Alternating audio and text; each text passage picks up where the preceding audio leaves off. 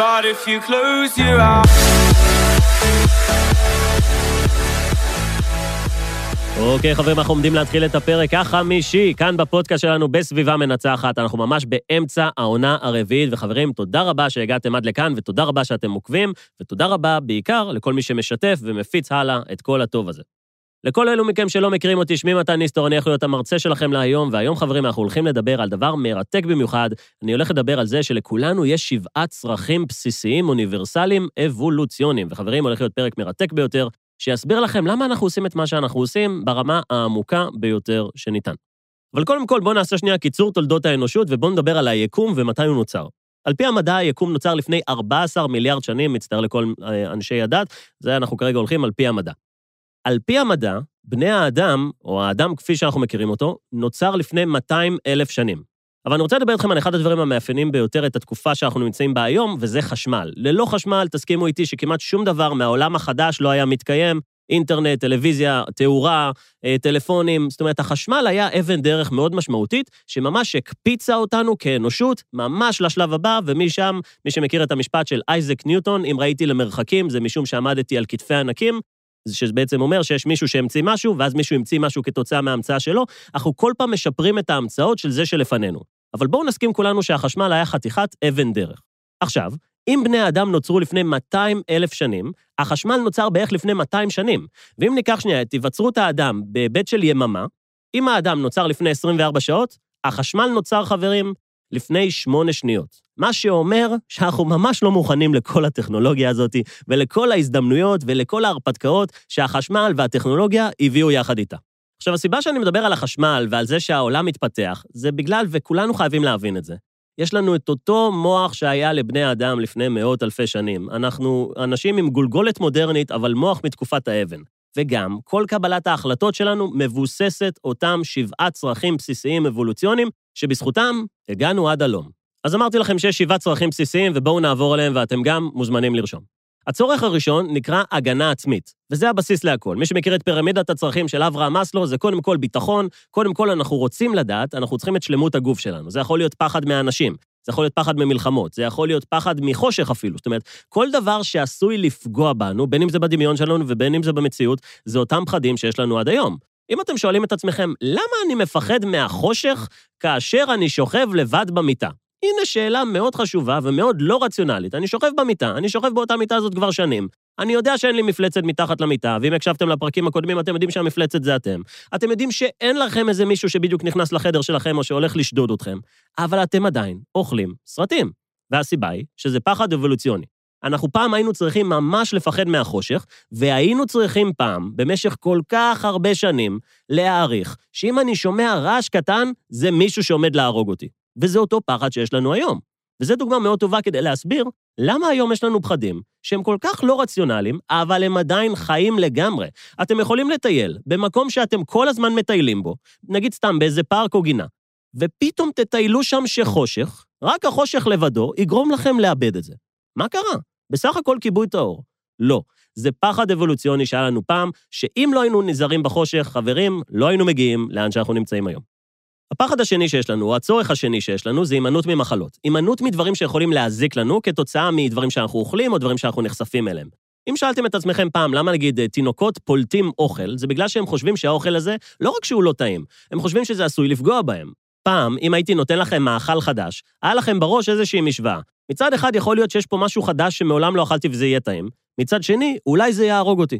ובגלל זה, אנחנו פחות אוהבים דברים חדשים. המוח שלנו תמיד מחפש את המוכר, את האהוב הבטוח, זה יכול להיות בדברים שאנחנו עושים, בדברים שאנחנו אוכלים, במקומות שאנחנו מגיעים אליהם או נחשפים אליהם. שימו לב לדברים כל כך מצחיקים. יכול להיות שאתם מגיעים עכשיו לאיזשהו מקום חדש, ואתם הולכים לשירותים, ויש שם כמה תאי שירותים, וסתם בחרתם את התא שירותים השני, ונגיד אתם הולכים להמשיך ללכת לשירותים, אני מבטיח לכם, אתם כל הזמן תלכו לאותו תא שירותים שני.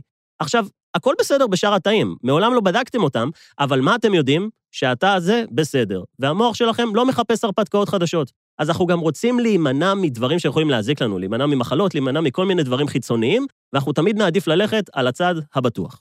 הצורך השלישי הבסיסי שיש לנו, שייכות. שייכות זה שייכות לקבוצה, זה להיות חלק מ.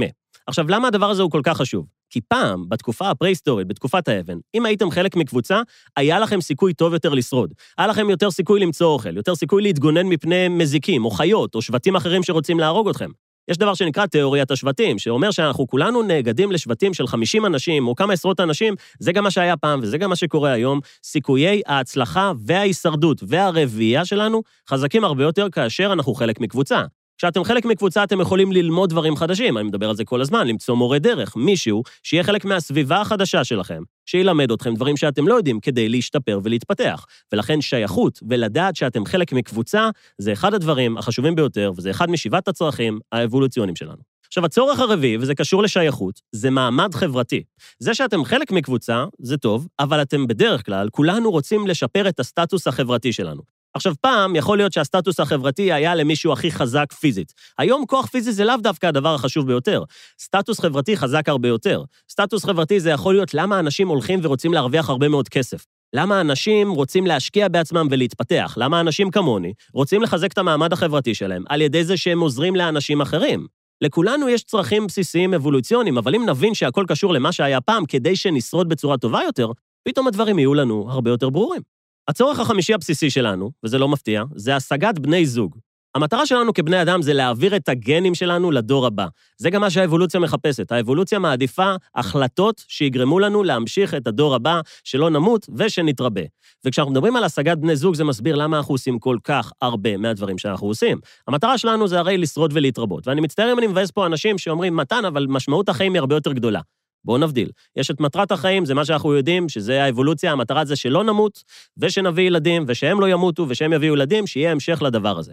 משמעות החיים, חברים, זה של כל אחד מכם. המשמעות שלכם יכול להיות לתרום, לעזור, להתפתח, ללמוד, לשנות, זה כבר שלכם, וזה אישי, וזה התפתחות אישית במיטבה, אבל המטרה של כולנו, כבני אדם, זה לשרוד ולהתרבות. וכשאנחנו מדברים על למצוא בני זוג, זה מסביר למה אנחנו עושים כל כך הרבה דברים. למה אנשים יוצאים מגדריהם כדי להשיג אה, אה, גבר או אישה, או למה אה, נשים מטפרות את עצמם, או גברים רוצים לשפר את המעמד החברתי שלהם, זה מסביר הרבה מאוד מהאינטראקציה שלנו, כי פעם, בזוגות, היינו חזקים יותר.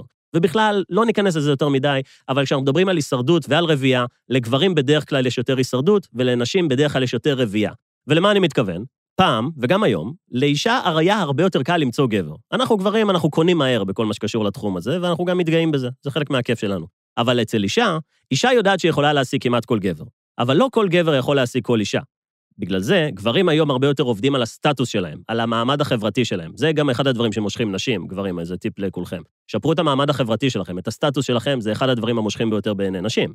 בגלל זה אני אומר שנשים יש להן יותר את הרבייה. זה המפתח שלהם והן מחפשות גבר כדי להעניק לו את הדבר הזה. לגברים יש הרבה יותר את הסטטוס ההישרדותי, ובין אם גברים ונשים אוהבים את מה שאני אומר, נכון לעכשיו, מי שמוביל את כדור הארץ זה בעיקר גברים. אבל הסיבה שגברים עושים את זה, ואני מצטער חבר'ה שאני מספר את הסודות, אחת הסיבות זה כדי למצוא בת זוג כמה שיותר אטרקטיבית, כי ככל שנשפר את המעמד החברתי שלנו, כך נשפר את סיכויי הרבייה שלנו. הצורך השישי שיש לנו זה נקרא שימור בני זוג, שזה אומר שזה שהשגנו לא אומר שעכשיו באמת יש לנו כבר ילדים והם עכשיו ישרדו בכוחות עצמם. אנחנו בעצם רוצים לעבוד בזוגות כדי להבטיח את ההמשך של האנושות. זה יכול להסביר דברים כמו, למה אנחנו מקנאים לבני הזוג שלנו, להרבה מאוד מהאנשים? למה זה מפריע לנו לחשוב על הבני זוג שלנו עם אנשים אחרים, או למה זה יכול ממש להוציא אותם מדעתנו רק המחשבה הזאת? אנחנו רוצים לדעת שהדבר הזה הוא שלנו, זה קנאה, זה הביא אותנו עד הלום, תחליטו אתם אם הדבר הזה הוא חיובי או לא. והצורך השביעי והאחרון שיש לנו זה טיפול בילדים ומשפחה, וזה אומר, ואנחנו יודעים את זה, הסיכויים של ילדים לשרוד בצורה טובה יותר זה כשיש להם שני הורים. אנחנו יודעים את זה סטטיסטית. ילדים שגדלים למשפחה חד-הורית, יש להם סיכוי גבוה יותר להגיע לעוני או לפשע או להידרדר, זה לא סתם. משפחה תקינה צריכה שני אנשים, לא אכנס פה להרכב המשפחה, אבל אנחנו יודעים את זה מהנתונים הסטטיסטיים שלנו.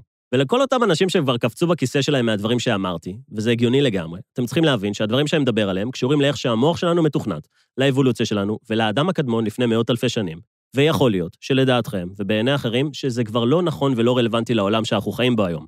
יחד עם זאת, כמעט כל פעולה שאנחנו עושים, ואני אתקן את עצמי, כל פעולה שאנחנו עושים קשורה לתכנות הקדמוני שלנו כדי שנשרוד, פשוט היום יש לנו פרשנות שונה, היום יש לנו דעות חדשות, היום יש לנו סביבה חדשה, אבל אל תיתנו לעצמכם להתבלבל, כי כל דבר שאנחנו עושים קשור לזה שנשרוד ונתרבה, ובדקו את זה. אגב, אם אתם רוצים להתעמק בנושא הזה, יש הרבה מאוד ספרים שמדברים על זה, הגן האנוכי, החלייה הרציונלית, כל מיני ספרים שמדברים על כל העולם הזה ואיך בעצם נוצרנו. מרתק במיוחד, ואגב, אם אתם רוצים עוד המלצות לספרים, תעקבו אחרי העמוד שלי שנקרא יאללה ספרים, שזה גם אתר אינטרנט. ככה תוכלו להיחשף להרבה יותר כלים וספרים ודברים שיעשירו אתכם ויקחו אתכם לשלב הבא. אני אסכם בזה שאני אגיד שיכול להיות שהדברים שאמרתי כאן לא נשמעים מקובלים להרבה מכם, אבל האמת היא שלאבולוציה זה ממש לא אכפת. אתם כאן כי אתם לא יותר מהצטרפות מקרים של אחד לכמה טריליונים, שדווקא אתם נבחרתם להלך כאן על כוכב הלכת המסתובב הזה, שאנחנו קוראים לו כדור הארץ, ולהיות עם המוח שהיה לאבותינו הקדומים. ולכל האנשים שאומרים שאין להם מזל בחיים, חברים, אין לכם מושג אפילו. אתם התחלתם את החיים שלכם בהסתברות שגבוהה יותר מלזכות בלוטו כמה מאות פעמים. עצם זה שאתם כאן, שנולדתם למשפחה שלכם, במדינה שלכם, לחברים שלכם, לסביבה שלכם, היה לכם פוקס, ובבקשה, תנצלו את זה לטובה. אז לכל האנשים שרוצים באמת להפיק מזה משהו שהוא פרקטי לחיים שלכם, מעבר למידע, ואני חושב שזה נחמד לדעת את הדברים האלה. אחד הדברים שאתם יכולים לשים לב, ממש בשידור חי, כשאתם מפחדים ממשהו, וניקח את הדוגמה של החושך, כשאתם שמים לב שמשהו מפחיד אתכם, תעצרו שנייה ותשאלו, מה קורה פה? וכשאתם שמים לב שאין היגיון בדבר, תבינו שזה לא הייתה בחירה שלכם. זה המוח שהעבירו לכם בתורשה אבותיכם הקדומים, וחברים, זה אחלה של כלי. דיברנו על זה בהרבה מאוד מהפרקים, וגם בפרק הקודם, ממש איך להשתמש בזה לטובתנו. אבל השלב הראשון בכל עולם ההתפתחות האישית זה להבין את נקודת הפתיחה שלנו. כולנו פועלים על פי אותם שבעה צרכים בסיסיים אוניברסליים, אבולוציוניים, שכל המטרה שלהם הייתה להביא אותנו לאן שאנחנו נמצאים היום. עכשיו תשאלו את עצמכם, האם באמת צריך את כולם? מה דעתכם עליהם? בואו נשחק במשחק הזה שנקרא להטיל ספק על מה שהביאו אותנו עד היום, ונראה לאן זה ייקח אותנו. אז חברים, זה היה הפרק החמישי של העונה הרביעית בפודקאסט סביבה מנצחת. אני מקווה שהדבר הזה עזר לכם, נתן לכם כלים, ולהבין טיפה למה אתם עושים את מה שאתם עושים. אם אתם רוצים לרכוש עוד מידע וללמוד עוד דברים חדשים, אני מזמין אתכם לעמוד האינסטגרם שלי ולקבוצת הפייסבוק, יאללה ספרים, וגם לאתר האינטרנט. אני כל הזמן מעלה לשם המלצות של ספרים, כדי שגם אתם תגיעו לתובנות חדשות ותוכלו לחלוק אותם עם העוקבים שלכם. עד אז חברים, מקווה שנהניתם בפרק הזה, ואתם תמיד מוזמנים לשלוח לי הודעה ולשתף את הפרקים האלה עם חברים וברשתות החברתיות. אנחנו נתראה בפרק השישי, וחברים, שיהיה לכם אחלה של יום. But if you close your eyes